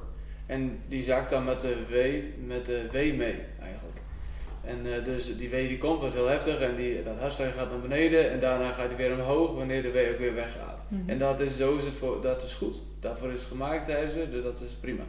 Maar op een gegeven moment bleef die wee, ze noemden het niet een weeënstorm, maar die weeën bleven soms wat hangen. Ja. Dus ehm, haar spieren bleven aanspannen en dat hartslagje bleef dus ook te lang laag. Oh ja. En eh, op een gegeven moment eh, dan moest, ze, moest ze op de zij en allemaal wat dingetjes. Toen moest ze overgeven en nou goed, werd allemaal niet leuker erop. En eh, op een gegeven moment volgens mij ook een spierslapper eh, deden ze in haar buikspieren. Zo kwam het op mij over. Ja, in, in eh, de, de bovenbeen, denk ik. Op het bovenbeen, maar ja, in ieder en geval... ze kregen een injectie om die, die Oh, ja. spieren wat te ontspannen, denk ik. Ja, dat, zo kwam het inderdaad op mij over, maar daarna ging het beter. Dus. Maar eh, de gynaecoloog, die hadden we ook nog helemaal niet gezien. Nee. Maar die kwam ook in één keer binnen. Dus toen dacht ik, en die was ook meteen van eh tjak, tjak, tjak. Dus toen dacht ik ook, eh, en in één keer stonden er nog wel drie, vier mensen bij. Dus toen in één keer werd het een beetje met het hartslag. En die ging te laag naar beneden, zeg Ja. maar. Je En kindje had eigenlijk last van de weeën. De wee, ja. ja. En eh, dus toen waren ze een beetje van, eh, nou ja, even kijken welke kant het toen, toen herstelde zich dat weer. Alleen ja, er kwam weer een volgende wee aan. Dus hoe zou die gaan, zeg maar. Ja. Dus eh, nou, uit, uit- uiteindelijk zeg maar, ging dat dus niet meer zo eh, lekker. Nee. En eh, ging dat veel. En toen vertrouwden ze het niet meer zo heel erg. Nee. Toen dachten ze van het wordt nu wat risicovol. Vooral voor die kleine. En toen eh, zeiden ze van zeiden ze, het is toch wel verstandig om nu een keizersnee te doen. Ja. En, maar dat was voor ons echt zo, oké, ja prima. Doe maar, nu. En ze wouden nog heel ze wilden ook die, dat informed consent nog doen, hè, dat informeren en zo. En wij zaten er echt zo te luisteren, ja, ja, praat maar door, praat maar Ja, doe maar zo snel. Ja, waar, ja, doe maar, ja. Ja. Want, eh, nou, weet je, uiteindelijk, wij waren twee uur s'nachts dan begonnen. En dat was dan, dit was nu de hele dag door en toen was het 11 uur s'avonds. En de ontsluiting was vanaf 4 uur 4 centimeter gebleven. Oh ja. Dus, dus er was geen perspectief, zeg maar. Nee, nee. En- voor jullie duurde het eigenlijk al zo lang en kwam er geen vordering. Nee, dat je denkt, ja, weet je, hoe, nee. hoe lang gaan we nog bezig? Zeg Ja, maar. Dat precies. gevoel of. Ja, ja, dat gevoel. En Ja. ook, ik wist, ik wist ook niet precies van, wat zijn de mogelijkheden? Nee. Kijk, uiteindelijk zeiden we kunnen een keizer. Toen dacht ik, oh, oh een keizer. Ja, oh, dat, oh, dat kan dus blijkbaar ook nog, weet je wel. Daar had ik eigenlijk niet echt aan gedacht. nee. Hadden ze er ook niet over gehad of zo. Dus, eh, maar goed, uiteindelijk dus eh ruggenprik. En, eh, en toen was die kleine, die was er eh, in een flits. Ja. ja. Dat was ook een gekke ervaring hoor. Ja, Vond dat ik. snap ik. Ja. En, eh, Maar op het moment dat zij, even een klein stapje ja, terug, ja, op ja, het ik dacht moment wel, ik ga te ver vooruit. Ja, nee, maar dat geeft niks. dat geeft niks. Het geeft eh, weer hoe je eh, op dat moment, hoe snel het dan ook kan gaan, zeg maar. Ja. Ehm, maar eh, je geeft aan, dus die, het kindje had het moeilijk. Hè? Dat is de reden waarom er een keizersnede is gedaan. Althans, dat haal ik uit je verhaal. Hè? Ehm, ja, wat voel je dan op dat moment? Voel je spanning? Voel je angst? Voel je, wat, wat, wat gaat er dan in je om? Kan je een beetje dat nog? Ehm, nou ja, het- ik, vond, ik was wel enthousiast. Eh, ik voelde enthousiasme. Eh, maar ik voelde ook wel wat spanning. Want een keizersnee is natuurlijk eh, best wel een belasting voor Mhm. je lichaam. En er moet wel wat gebeuren. En, en Renske was al zo belast voor mijn gevoel, snap je? Ja, Dus dan komt er nog iets overheen. En ehm, dus, dus een beetje een mengelmoesje van die beide emoties, denk ik. Dat Ja. ik eh, maar wat ik wel terug, want eh, zelf was ik natuurlijk helemaal niet bezig met hoe kom ik over op andere mensen, wat dan ook. Maar zij vonden ons heel relaxed. Oh ja. Vanaf het begin tot het einde dachten ze, oh, relaxed ouders, relaxed kindje. Weet je, zo, dat kregen we de hele tijd terug. Een goed team. Terwijl ik me van binnen helemaal niet zo voelde. Oh ja. Ik voelde me helemaal niet relaxed. Maar misschien is dat ook wel een soort van stressreactie. Dat ik dan gewoon heel rustig word. Ja. Van Ja. stress. Ja. Ja. Dat heb ik later bedacht. Nou ja, dat, dat, Die weg die dit, maar... eh, Ja, nou ja, weet je wat het is? Het is ook best wel. Er gebeurt soms zoveel ook, hè? Dat je ook. Ja, je kan soms ook niet heel snel schakelen. Snap je? Hier kan je er nu heel erg over nadenken. ja. Hè? Hoe je reageert en hoe je doet en je zinnen formuleren, zeg maar, hè? om het maar even heel eh, Ja. abstract eh, neer te zetten. Eh, maar op het moment dat je er in die zo'n situatie staat, ja, er gebeurt van alles. En ja, het is ook een beetje, vooral als het niet je, je terrein is, om het zo maar te zeggen, ja, dan, dan is het ook snel dat je je aan overgeeft. Hè? En je ja. ziet wel vaak hoor dat mensen rustig zijn, omdat ze gewoon denken, ja, weet je, ja, prima. En natuurlijk heb je ook mensen die in paniek zijn. Ja, Ehm, dat, dat, hebben we ook, hè, dat zien we ook best wel eh, regelmatig. Maar dat, dat is eigenlijk maar net hoe je in elkaar steekt, zeg maar. Ja. Van nature ben je volgens mij, als ik je zo zie, ook een rustig persoon. Ja, mensen die al sneller wat paniekerig zijn, zullen weer meer in die paniek schieten, Ja. zeg maar. Hè? Ja. Dus dat is, denk ik, toch een beetje je natuurlijke staat... waar je dan een soort van weer in terugkomt. Ja, ja wat primair. Ja, wat weer dat primair een beetje Ja. terughaalt eh, Ja. eh, in je. Maar goed, het kan wel heel vervelend voelen. Het kan niet zo zijn hè, dat iemand anders kan wel tegen je zeggen... ja, hé, je bent hartstikke lekker rustig en jij voelt je echt vet... misschien opgefokt of Nou ja, gestrest. Dat je echt denkt, hoezo rustig? Ik ben Ja. helemaal niet rustig. nee. Ja, dat, dat, dat is wel... Het kan heel tegenstrijdig voelen, zeg maar. Nou, dat, ja, nou, ja, dit is... Ja, nou, dat, viel, dat voelde ook wel tegenstrijdig, ja. Ja, Inderdaad, want ik, ik voelde me niet per se rustig. Ik voelde me heel erg eh, eh, niet, niet op mijn gemak. nee. Ehm, maar ik straalde blijkbaar heel wat anders uit. Ja, En, maar ja, misschien ook wel omdat ik dacht dat dat het beste was. Of zo. ja. Geen idee. Ook. Nou ja, ik, ik denk dat het sowieso goed is, hè, als jij, hoe je het nu ook zegt, dat helpt de vrouw wel. Het helpt natuurlijk niet als jij daar vol in paniek schiet, zeg maar, en eh, daarna Nee, staat nee. eh, te springen en te Nee, stuiteren. Ja, dus op zich is dat wel ook een tip om mee te geven, denk ik. Ook al voel je je misschien gestrest, het is wel heel belangrijk dat zo'n partner, als die ernaast staat, een bepaalde rust kan uitstralen. Ja, Ook al voelt het misschien niet zo. Hè, dat helpt zo'n vrouw wel veel meer. Want op het moment dat die, zo'n vrouw daar ligt en die ziet haar partner, waar ze alle vertrouwen in heeft, die ze altijd kent, in paniek schiet, ja. dan schiet het bij haar nog een keer. eh, Hè, Ja, nog een, ja, ja, dan zie je nog meer die paniek bij die vrouwen komen. En dat werkt juist averechts in plaats van dat het hun helpt. Ja. Ja, dus dat is nog wel een dingetje, nu we het er zo over hebben, denk ik, ja, wat we mensen kunnen meegeven, en vooral de mannen. Ja, Hè, blijf gewoon rustig. Ja. Uh, en ook al voelt het misschien niet zo, uh, ja, dat, dat je toch probeert om rustig te blijven en te denken van ja, wat nu belangrijk is, uh, is het belang van het kind en het belang van het vrouw. Ja, ja. En luisteren, ja, wat daarvoor adviezen voor worden gegeven en kijken hoe je dat zo goed mogelijk kunt opvolgen, zeg maar. En daarin mee kunt gaan. Want dat, hè, als zo'n kindje, als er een nood, hè, nou noem ik een noodsituatie, ik weet niet of het bij jullie een noodsituatie is, maar er wordt niet zomaar een keizersnede gedaan natuurlijk. Nee, nee. En dan is het ook belangrijk dat de mensen die daarbij zijn gewoon handelen. Hè, je wil gewoon, hè, dat zei je ook al, dan gaan ze een heel gesprek met je aan nog over, hè, uh, ben je oké met de keizersnede voor en Ja, nadelen, weet ik veel wat. Maar eigenlijk ja. denk je skip maar en uh, help me zo snel eh, mogelijk. En wat wel zo was, is dat het was natuurlijk uh, midden in de nacht.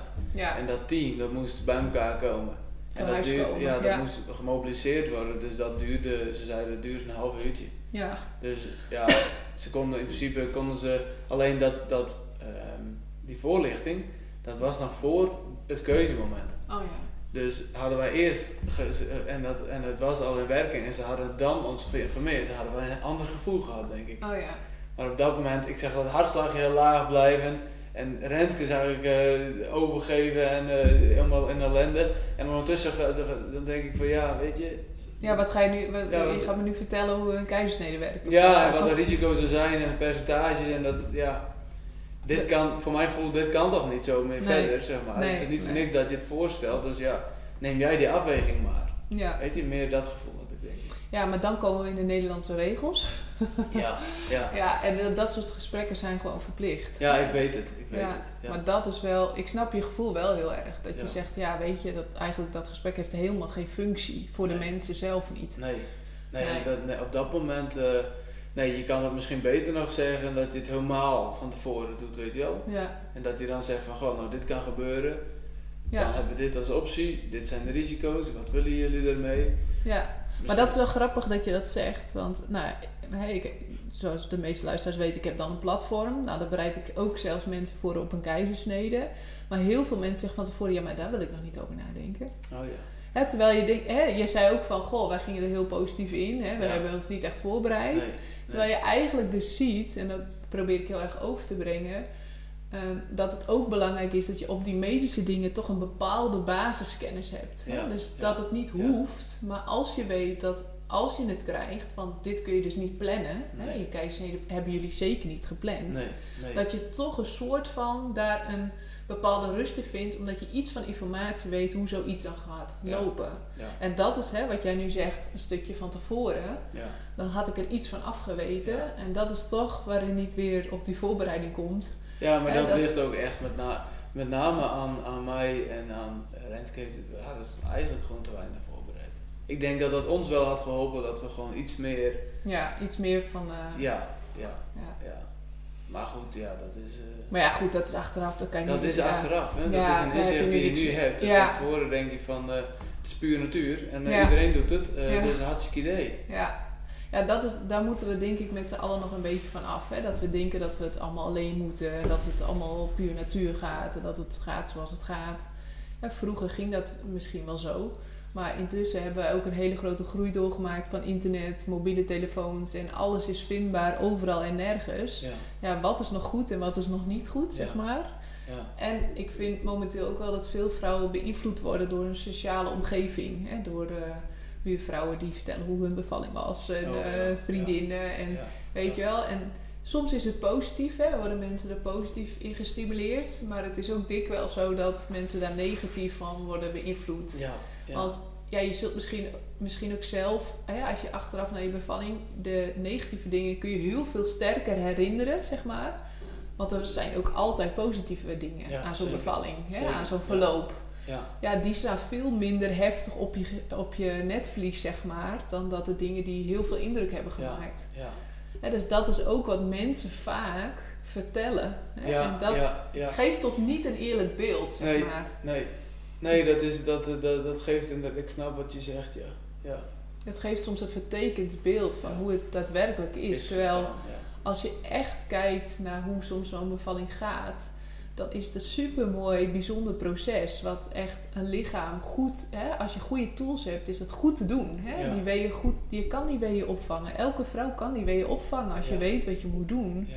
Gaat je dat gewoon lukken. Ja. Jij hebt het ook gezien. Jouw vrouwen wisten toch op een Ja. gegeven moment een bepaalde modus in te Ja. vinden. klopt. Ja. Hè? En dan, ja, als dan omstandigheden het soms van je overnemen, hè? doordat een kindje bijvoorbeeld in nood komt en je moet daarop een actie ondernemen, is het toch fijn dat je er iets van af weet, waardoor je daar makkelijker in mee kunt gaan. Zo is het eigenlijk een beetje. Want je kunt alsnog niet een bevalling voorspellen, Nee. Maar je, dan je weet kan je... misschien wel, je kunt wat sneller schakelen op het moment zelf dan misschien. Nou ja, dat is het. Ja. En je kunt je mindset wat positiever houden doordat je weet, ja, Ja. in plaats van dat je in de angst schiet of in de, Ja. ja. in de onzekerheid, zeg maar. Maar goed, om weer even terug te komen. Je zei, nou, daar ging die keizersnede in. Dat voelde eigenlijk een soort van opluchting. Althans, dat kreeg ik een beetje van Nou, je ja, toen, kijk, een half uur ervoor was het einde nog lang niet te zicht. Nee, Weet je, precies. 4 ja. centimeter ontsluiting, dat was de laatste vijf uur zo gebleven, zeg maar. ja. Eh, en de weeën werden eigenlijk eh, op een gegeven moment, eh, nou ja, dat, dat, dat- dus het was gewoon een beetje van ja. Waar, Want ze kregen nergens. weeën opwekkers, of niet? Ja, uiteindelijk kregen ze ook. Ja, precies, Ja, ja, ja. want Die weeën werden toen wat, ja, toen waren ze wat krachtiger. Dat weet ik ook nog goed herinneren. Ja. Dus dat op een gegeven moment wou ze, ehm, ze, ze- op een gegeven moment wou ze, die weeënwekkers, sorry, ik moest even nadenken. Nee, Die weeënwekkers, die, die worden dan langzaam, stapsgewijs eh, Opgehoogd, ja. ja. En elke keer, zeg maar, als ze dat deden, dan uh, vroeg Renske, wat hebben ze gedaan? Oh. En toen zei oh nee, dan zei ik van, eh, ze hebben dat even, infusie even wat, eh, liep niet goed. Weet je wel? En, eh, en op dat moment, en dan werd ze weer rustig, weet je wel? Maar ze wou niet dat ze gingen ophogen. Oh ja. Want ze had, ze wou niet die weeën heftiger hebben, Nee, zeg maar. nee. De primaire reactie zei van nee, nee, nee, Ja, nee niet ja, hoger, niet, hoger. Niet hoger, ja. ja. En eh, nou, ja, uiteindelijk- nou ja, dus ik zat haar een beetje voor de gek te houden, maar ik denk dat ze wel eventjes een leugentje voor haar best wil ook. En, eh, maar dat vertelde ik haar laatst dus ook en toen zei ik, nee, maar ik had het wel door, zei ze. ja. maar Grappig op is dat moment leek het echt van, Of had ze dat helemaal niet door? nee, dus ik, ik, ik weet nog steeds niet of, dat, eh, of, ze- of ze dat nou wel of niet door had, zeg maar. Ja, dat is, dat is toch ook weer eigenlijk een stukje mindset wat je daar dan te pakken hebt. Hè? Dus zij zit eigenlijk op dat moment, ehm, ja, heeft ze heel veel moeite om die pijn zeg maar, onder controle te krijgen. En ze doet er alles aan wat in haar macht ligt, zeg maar, om dat te handelen. Dus op het moment dat jij daarin een positieve bijdrage le- levert, op wat voor manier dan ook, Ja. en dit was dan nu even nog een leugentje om Ja. zal zij toch dat sneller van jou aannemen. Dat ze denkt, oké, oké, oké. En dan wordt Ja, ze weer precies. rustig, snap je? Dus het is echt zo weer die primaire stand waar je in komt. Op het moment dat jij had gezegd, het tegenovergestelde, je had gezegd, ja, ze doen weer flink hoger. Dus je zal Ja. misschien nu wel meer pijn krijgen. Maar ze krijgen op dat moment krijgen ze al meer pijn. Ja, nee, dat Snap zo, je? Ja, zo, Zo werkt het, dat eh, brein. Ja, ja. Dus op dat eh, moment, ook al was het diffuus nog niet hoger gegaan, had zij al meer pijn ervaren. Ja. En nu had ze waarschijnlijk minder pijn ervaren, omdat ze daar zelf een soort van primaire reactiestand stond van, oh nou ja, weet je, het is zo en het is goed en weet je dat. Ja. Dus daar zie je maar hoe groot die waarde eigenlijk is. Ook al ben je er dan misschien niet zo bewust van, dat die waarde heel groot is Ja. op het moment dat jij rustig bent, dat jij zegt van, goh, weet je, het komt goed. ja. En eh, we gaan dit doen. En weet je, het zijn allemaal van die, ook weer van die cliché, clichés, zeg maar. Van Ja. ja. je moedigt dat een beetje aan en je stelt daar gerust. Maar het is echt van hele. Ja, het zijn Belangrijke hele kleine dingen eigenlijk. Terwijl het dan, ik kan me ook nog wel goed, daar moet ik nu even aan denken, nu Ja. jij zo aan het, eh, daar aan, over aan het vertellen bent. Is dat eh, ik heb die, de Kennedy Mars een keer gelopen en dat is dan 80 kilometer lopen zonder rust en één ruk door, zeg maar. En op een gegeven moment had ik het zo gehad. En, eh, en toen vroeg ik van, nou, iemand wist dan de hele tijd hoe ver we waren, weet je wel. En ik vroeg dan, nou, hoe ver zijn we? En eh, die zei van, eh, nou, die, die zei dan een bepaalde afstand. En eh, dat vroeg ik dan elke keer weer. Maar op een gegeven moment, eh, nou, dat, dat vond ik dan heel prettig. Maar op een gegeven moment dacht ik van, hé, dat klopt niet meer. Oh, En toen werd ik echt eh, een, een beetje pissig, weet je wel. En terwijl het eigenlijk, het is, zoiets kleins, zeg maar. Maar ik, op dat moment maakt dat heel veel uit. Ja, Als je zo op het einde bent, Ja. zeg maar, van je Latijn. ja, ja. Ik weet niet of het een goede vergelijking is, maar... eh, Nou, je ziet dat ook wel tijdens een bevalling. Hè? Dat mensen dan bijvoorbeeld, eh, nou ja, jij zei het ook al een beetje. Hè? Dat, de, de moed zakt je dan letterlijk in de schoenen. Als ze om de twee uur toucheren. En ze zeggen de hele tijd, ja, 4 centimeter. Ja. Na twee uur later weer 4 centimeter. Twee uur later weer 4 centimeter. Dan denk je, ja, ja hallo. hoe zit dit? Weet je? Dat is voor je mind, hè, voor je, voor je, voor, ja, voor je mindset is echt funest. Hè, op het moment dat je steeds hoort na twee uur later, oh, het is ze- ze- hè, van zes naar zeven, van Ja. zeven naar acht. Ja. Weet je, dat Ja. motiveert. ja, Hè? Maar op het, op het moment dat het stagneert, ja, dan is die mindset juist echt van cruciaal belang. Dat je niet de moed laat zakken, zeg maar. klopt. Ja, dat is ook zo.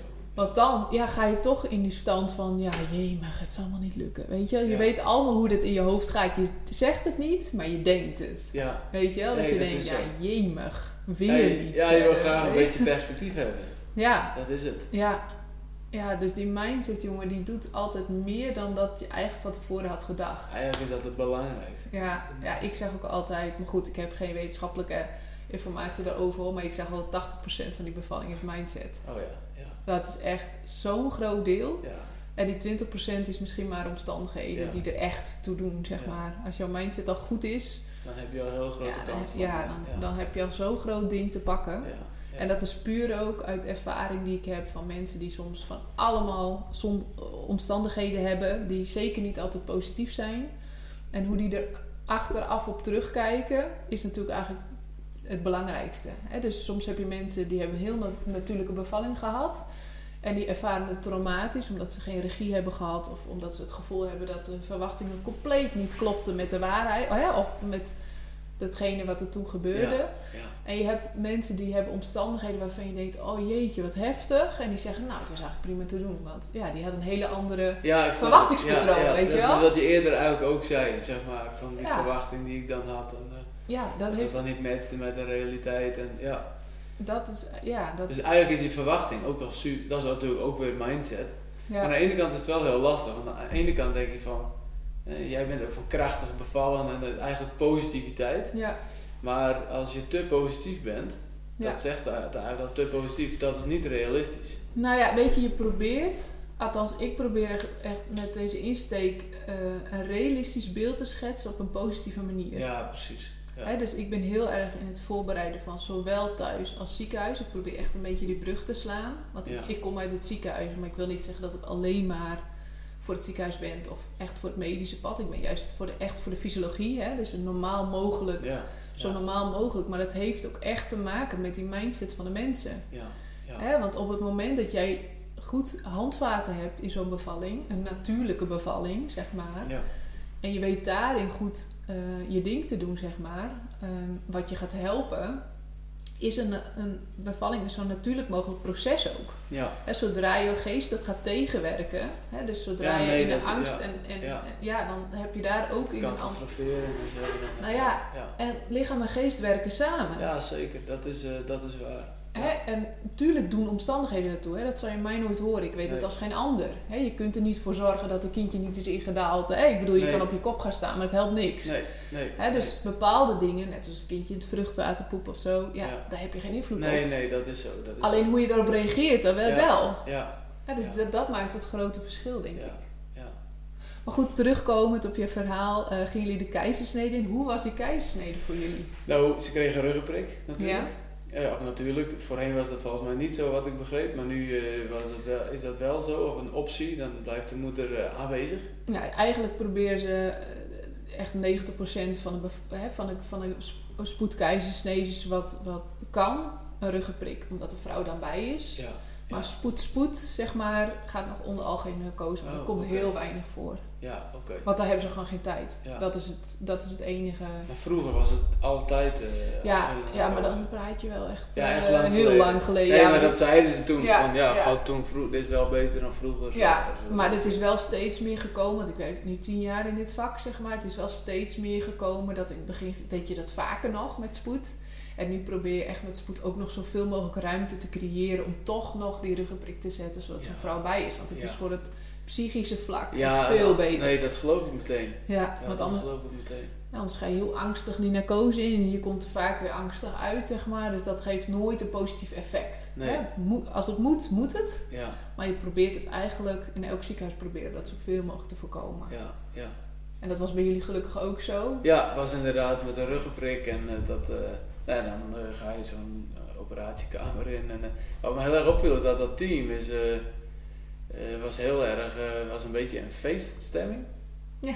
Op de, Er had ook een kind geboren, ho de- ja, nee, dat is ook zo, maar ze waren Ja, gewoon heel erg uh, shalali, shalala, mesje erbij en dat erbij. En dat was, ik vond dat wel heel, ja, weet je, zelf ben je ook een, zelf ben je een beetje van, nou, oeh, nou, Stress, ja. nou ja, dat, dat zag, ja, het is een operatie, een buikoperatie. Ja, en zeker. Best wel Ja. nou, ja, belastend en misschien complicaties en eh, nou goed, lang natraject. Maar zij waren dus heel, dus ik dacht van, oh, dit is gewoon, voor hun is dit gewoon business as usual, zeg maar. En zij Ja. gaan hun ding gewoon lekker doen. En eh, dus ik zat zo bij Renske, het hoofdeind, en eh was er volgens mij zo'n eh, een, afscher- een scherm, zeg maar. Ja, een, een doek, zeg een maar, doek, de ja, met, een stukje wel wat transparant dat ik nog een beetje kon kijken. En ik kan me nog goed herinneren dat ik dan wou kijken, en dan, maar op een gegeven moment dan, dan was ik zo, dan, dan, ik, dan kon ik even niet kijken of zo. Weet je wel, zo, Ja. dan durfde ik niet meer, of ik was te enthousiast. Of dan, dan, eh, en ik vond het ook wel lastig dat ze op een gegeven moment, dan, dan zijn ze bij die baarmoeder, dat zei ze ook, dan zijn bij de baarmoeder. En dan, eh, en dan, dan gaan ze echt zo erin en dan gaan ze echt eh, die kleine er soort van uitwrikken, zeg maar.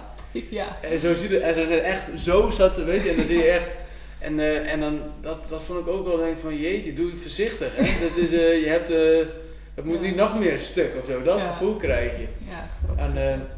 Dat heeft elke man trouwens. Ja, ja. En ik, ik zal even een beetje context geven voor de mensen die denken, huh, wat zo'n kind eruit gewrikt. Nee, maar het is wel zo. En ik weet dat jij eh, fysiotherapeut bent. Je weet dat scheuren die, eh, eh, spieren die scheuren herstellen makkelijker Ja, dan die gesneden. Ja, dus wat ze doen eigenlijk met de buikspieren is, hè, ze trekken eigenlijk die buikspieren een beetje aan de kant om, ja, om de doorgang te maken, zeg maar.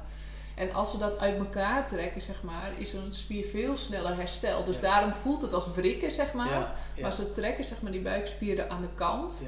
Eh, om vervolgens zeg maar, dat op een natuurlijk proces later te weer herstellen. Ja. Hè, op het moment dat je die doorsnijdt, ja, dan heb je veel meer gevolgen daarvan. ja, Eh, ja. eh, dus dat is eigenlijk dat wrikken wat je omschrijft. Het is dus eigenlijk als het ware die buikspier aan de kant Ja, nee, nee, trekken. en theoretisch ben ik het daar ook helemaal mee eens, zeg maar. Maar in de praktijk zie je haar gewoon dat ze gewoon heen en weer gaat. Omdat ze, ik weet niet of ik het moet vertellen, maar Je mag alles ze vertellen. gaat gewoon heen en weer, zeg maar. En dan, En je denkt van, hun, ze zijn in de, in de, in de, in de buik, zeg maar. Het is, Ja. het is kwetsbaar, dat gevoel heb je. Ja, ja. Eh, doe voorzichtig. ja. En dan vervolgens eh, doen ze dat niet. Nee, voor je idee. gevoel, ja. denk van, Ja. wat zijn er versteld die boeren, weet je wel? Dus dat gevoel kreeg ik een beetje. Maar ik denk, hoort erbij, hoort erbij, hoort erbij, hoort erbij. En, eh, dus ik, eh, dus, en op een gegeven moment dan zie je dus eh, die beentjes en dan, nou, dan, pakken ze, dan houden ze meteen zo omhoog. Ja, je En, eh, kindje houdt ze dan inderdaad gelijk als ze Meteen naar buik, je, eh, precies, dat je dan kan kijken en dan zit je echt te kijken en denk wat, eh, ja, ja, weet je, wat gaat van alles door je heen, dat is, daar is gewoon niet echt een woord voor, denk ik. Maar wat ik me nog goed kan herinneren, ik heb dat wel vaker verteld, maar het schijnt geloof ik niet echt zo te zijn. Maar dat het, leek alsof hij wakker schrok, zeg maar. Dus hij Oh, kwam ja. eruit, hij was gewoon nog beetje kalm. Ja. En eh, in één keer zeg maar, was het net alsof hij zijn hoofd achterover gooide en zijn ogen zo open. En echt zo van alsof, hij een, alsof er een explosie was, zeg maar, Ja, voor hem. En, en toen begon hij ook te huilen. ja. Maar later ook wel verteld ze, ja, dat is gewoon eh, een toevalsbeweging geweest. Wat dan ook. Dat was niet typisch in ieder geval. Nee, nee. Maar het is natuurlijk wel zo. En ik denk, hè, misschien om het een beetje eh, genuanceerder, dat je het misschien ook wat makkelijker snapt. Kijk, normaal als je vaginale bevalling hebt, heeft zo'n kind heel veel druk ervaren. Hè? Dus die wordt door een geboortekanaal zeg maar heen geduwd. Ja, Hè, dus die heeft een bepaalde stress. En dan heeft jouw kindje ook stress gehad, want jullie hebben al weeën en zo gehad. Sommige vrouwen hebben bijvoorbeeld een geplande keizersnee, die hebben helemaal dat niet. nee. Dan heb je dat dus nog wat extremer. Ja, En wat je dan hebt is zeg maar, zo'n kindje zit veilig in zo'n baarmoeder. Ja, die heeft die druk niet gehad, want het is niet door dat geboortekanaal gegaan. Nee, dus op nee. het moment dat zo'n kindje wordt vastgepakt, kijk, die reactie die jij gezien hebt, dat schrikken zeg maar, Ja. dat zijn reflexen. ja. Dus dat, dat is een reflexmoment geweest. Maar het is natuurlijk wel zo dat zo'n kindje wordt als het ware uit zo'n buik getild. En die denkt echt, wat de krijgen we hier, zeg maar. Hè? Dus het is wel het moment, zeg maar, dat zo'n kindje wel ineens uit zo'n buik wordt getild. Is voor zo'n kindje minder prettig eh, dan door zo'n baringskanaal. En heel veel mensen denken dat het prettiger is, want zo'n kindje heeft dan niet te veel stress gehad en Ja, heeft niet ja. verdrukt gezeten of verdrongen gezeten in zo'n baringskanaal. Nee, Maar dat heeft daadwerkelijk een functie. ja, ja. En die functie is weg op het moment dat je zo'n keizersnede Ja. doet. Ja. Snap je? ja, ik snap het. Dus dat is wel een verschil. Ja. Dus, het, dus wat je hebt gezien zijn reflexen. Hè? Zo'n kind is heel, eh, reageert heel Ja. sterk op reflexen. Dus Ja. ook op licht, op geur. Maar vooral op de kou. Hè? Het is heel koud. Het was dan nooit 37 Nee, graden. Nee, nee. Hè? Dus zo'n kindje reageert heel erg op die prikkels van zijn omgeving. Maar het is ook wel een beetje zo natuurlijk dat zo'n kindje ja, ook een soort van schrikreactie heeft. Dat het ineens uit zo'n buik wordt getild. Ja, ja, tuurlijk. Dus je gevoel klopt wel. Hè? Ja, dat je dat denkt van, huh? Ja, het was echt zeg maar alsof hij even in één keer zo'n klik en hij ging aan of zo. Ja, even het batterij Ja, aangedaan. dat gevoel kreeg ik erbij. Ja. En ging het toen nog, werd het nagekeken, hè? meestal is een kinderarts aanwezig eh, bij zo'n keizersnede. Die is Ja. gewoon als voorzorg eh, is hij daar aanwezig. Er Ja. is een verpleegkundige aanwezig die zo'n kindje opvangt. Ja, ja. En toen ben je denk ik wezen kijken, of ja, hoe ging zoiets? ja die, nou, die, die kleine werd even zo omhoog gehouden en, dan, eh, en, en toen gingen ze hem even in een soort van bak, kwam die. En dan gingen ze hem even schoonmaken, Ja, of droog maken ja, of iets. ja. En eh, daar zei ze, "Dan moet je even naartoe gaan. En dus ik daar naartoe, even bijstaan. En toen eh, heb ik symbolische navelstreng nog Ja. doorgeknipt, maar die was natuurlijk al door. ja. Maar dat is symbolisch nog een keer. En, eh, nou, toen in het doek en toen meteen bij de moeder neergelegd, zeg maar, bij het gezicht. ja. En, eh, nou ja, toen, eh, en toen waren ze aan dus nog een beetje bezig met de boel weer wat in elkaar zetten. Maar dat zeiden ze ook van, weet je, keisnee, het kindje is er zomaar, en dan is het kindje bij je, Ja, en dan ben je daarop gefocust. ja, En dan voor de rest, dan maken wij het gewoon even rustig af. En dan, ja, dus, eh, en, zo, en zo was het ook. Ja. Die, dat was geloof ik nog een kwartier, twintig minuten zijn ze bezig geweest en zo, maar dat ging helemaal langzaam heen. ja, Je hebt inderdaad dan die focus op die kleine ja, en dan is al het andere weg. ja. En wat voelde je toen? Kun je een beetje meenemen in dat proces van, goh, wat ervaar je dan als vader om daar zo naast te zitten en je denkt, oh mijn god, ik ben, ik ben vader geworden. Ja, ja, ja, nou ja, wat ik eerder ook al zei, van eh, je hebt dan eh, zo'n gevoel, super enthousiast, euforisch, een heel euf- euforisch gevoel eigenlijk. Ja, Ehm, en je, maar ja, er zijn niet echt, ik, ik vind het lastig om te omschrijven hoe dat dan, snap je wat ik bedoel? Ja, Om- zeker. Om dicht in de buurt te komen van hoe ik me toen voelde. Ik, ik mis dan altijd wat, wat, wat, Het is bijna niet te omschrijven. Nee, het is heel moeilijk. En dat is weer, weer zo'n cliché waar we het aan het begin ook over hadden. Het is niet te beschrijven. Nee. En dat, is, uh, dat komt ook heel vaak terug. En, en daar, dat vind ik vervelend, maar het is zo. Ja. Daarvoor zijn er gewoon niet, maar het geeft wel heel veel aan, denk ik. Dat Ja. er gewoon de, de woorden er niet voor zijn. Nee. Terwijl we best mooie woorden hebben in het Nederlands. En toch kan dat daar niet aan tippen. Nee. Dus gaat daar dan nog weer voorbij. Ja, ja, ja. Ja, bijzonder is dat. Ja, dat is, Dat is toch het, ja, dat is het leven is dat op zijn best, zeg ik altijd. Hè? Ja. Zoiets bijzonders dat we dat als mens kunnen creëren. Het is Ja. toch gewoon ja. bijna bovennatuurlijk, zeg ik wel eens. En ik ben niet, niet heel, eh, nou ja, hoe noem je het? Heel eh, eh, religieus of wat Oh, dan ook aangelegd. ja. Ik ben niet heel spiritueel, wat dan Nee, ook. Maar ik vind het altijd wel dat moment dat zo'n kindje zo'n ja, ter wereld komt. En die reactie van zo'n kindje en die ouders. Ja, Ja. dat is het, ja, vind ik wat mijn beroep het mooiste maakt wat er is. ja, Om dat- gewoon die reactie te zien. En ja, dat is puur geluk. Ja, puur geluk. Puur geluk, dat toch? is het. Dat is puur geluk. Misschien is dat nog wel de beste omschrijving dan. Puur geluk. Want dat, dat is het, inderdaad. En het, ja, het is gewoon... Zo'n bent- opluchting ook. En Ja, met... opluchting en, en, en, en opluchting, want het is, ze zijn er beide nog en het gaat goed met ze. Ja, En, eh, en je hebt in één keer, eh, zie je die kleine waar je al eh, weken of maanden over aan het fantaseren bent hoe die eruit zou gaan zien. En in ons geval ook wat het zou zijn, een mannetje of een vrouwtje. ja, En, dus, en alles komt dan in één keer op één moment zeg maar, bij elkaar. ja, terwijl je van tevoren moet nog even afzien. ja, En dan, maar dan is dat contrast van dat moment nog groter. ja. Als je ja. thuis zit aan de koffie en in één keer, eh, oh, oh, hij is eruit. Ja, eh, ja, is was hij dan. Daar is hij. Nee, dat, dat zou zo, dat, dat zou denk ik eh, zo'n moment veel minder magisch ook maken. Het contrast is gewoon zo mega groot. Ik denk dat, je nooit eerder, dat ik nooit eerder zo'n gro- groot contrast heb gehad in mijn leven. Nee, nee, dat geloof ik wel. Nee, ja, nee, zeker. Ja, mooi omschrijf je dat eigenlijk. Dat dat... En voor vaders doet het eigenlijk net zoveel als voor moeders, vind je niet? Althans, Ja, ik, ik die kan, ervaring heb ik. Ja. Hè? Als ik daarnaast sta en zo, dan... Ja, eh, jij kan natuurlijk alleen voor jezelf praten. dat is maar hem, ja, dat is hem, ja. toch zie ik dat die mannen zijn ook altijd heel... eh, eh, ja, emotioneel. En, en, wil ik niet zeggen dat ze gelijk... volle bak huilen of zo, maar meer dat het je heel erg raakt en dat je denkt, jeetje, Mine, Ja. wat, wat is, hè? Er Wat is, bijna geen, mooi. Ja, er is bijna geen man die zegt, oh, nou, dit, eh, ja, nou, dit eh, deed me niks, zeg Nee, maar. Nee, nee. nee, dat is gewoon zo. Ja. Voor de man is dat ook zo'n bijzonder moment. Ja, super bijzonder. Ja, Maar ja, ik weet inderdaad niet hoe het, eh, hoe, het, hoe het is. Ik ben natuurlijk geen vrouw.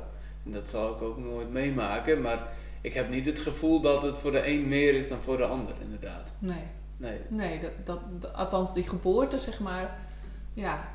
Ja, voor de vrouw is het misschien nog ietsje meer een opluchting, omdat ze zo hard gewerkt heeft, zeg maar. Maar Ja, ik denk ook ja. dat het voor de man wel is, omdat hij denkt, ja, jeetje, hè, er, is, hè, er is een eind aan ja, ook het proces gekomen, zeg Ja, maar. En ja. het is er, zeg maar. Hè. Die opluchting is natuurlijk vrij groot dan eh, voor je beiden. Ja. Dus, eh, het is natuurlijk het is ook het is een ander proces voor beide. Maar in voor beide zit er een stukje afzien in wel. Alleen voor een man is het meer, denk ik, ehm, nou ja, meer eh, dat- dat hij empathie heeft voor zijn vrouw en, daar, en da- daarin meegaat, zeg maar. En de vrouw die ervaart het gewoon echt zelf. En, eh, maar eh, beide hebben dus een stukje van die marathon. En, en nou ja, de vrouw wel iets meer. Dat vind ik toch wel dat dat boven water moet blijven staan. ja, En, en daarna die opluchting ook. Dus dat beide ervaar je gewoon. maar het zijn wel, het komt toch wel heel dicht bij elkaar, denk ik. Je, je, je komt wel heel dicht. En je smelt bijna een beetje wat samen of zo. ja, Op een moment. ja, ja. Ja, ik denk dat, ja. Als ik in ieder geval ook even naar mijn... Kijk, het is heel moeilijk om dat proces vanaf de zijlijn, zeg maar, zo te beoordelen. Want wij zijn dan professionals en zo. Ja, ja. Maar als je het zo omschrijft, dan ervaar ik dat ook wel heel erg tijdens mijn eigen. Ik heb zelf twee jongens, hè, dat ik dat zelf heb, ik dat ook wel zo eh, heel erg ervaren. En mijn man ook, weet ik. ja, ja. En dat het zo'n uniek moment samen is, dat bijna magisch, zeg maar. Hè? Het klinkt heel zweverig nu even. Voor de mensen die denken, dit is mijn eerste kindje, ik heb echt geen idee waar je het over hebt. Nee, nee. Dit ga je echt ook ervaren. Hè? Dit is iets wat je moet eh, gaan ervaren. Ja, ja. Dus ehm, wat dat te gaan, eh, ja, heel bijzonder. Hé, Hey eh, Willem, ik vond het echt eh, super tof dat jij dit verhaal zo wilde, wilde delen. Ja. En wat mij betreft, als je het oké vindt, wil ik hier nog een klein stukje over opnemen over hoe het daarna is. Maar eh, eerst sluit ik deze even af, anders wordt de aflevering te lang, denk ik. Oh ja, nee. Dus dan doen we even een, een break erin. Een Goed? break. Ja, Ja? is goed. Oké, top. Deze podcast dient als inspiratie en voorbereiding op jouw zwangerschap en bevalling. De informatie die gegeven wordt kan handig zijn voor jou, maar het kan niet worden gezien als een medisch advies. Voor meer informatie over hoe jij je het beste kunt voorbereiden op jouw bevalling, ga dan naar www.krachtigbevallen.nl, het online platform voor zwangere vrouwen.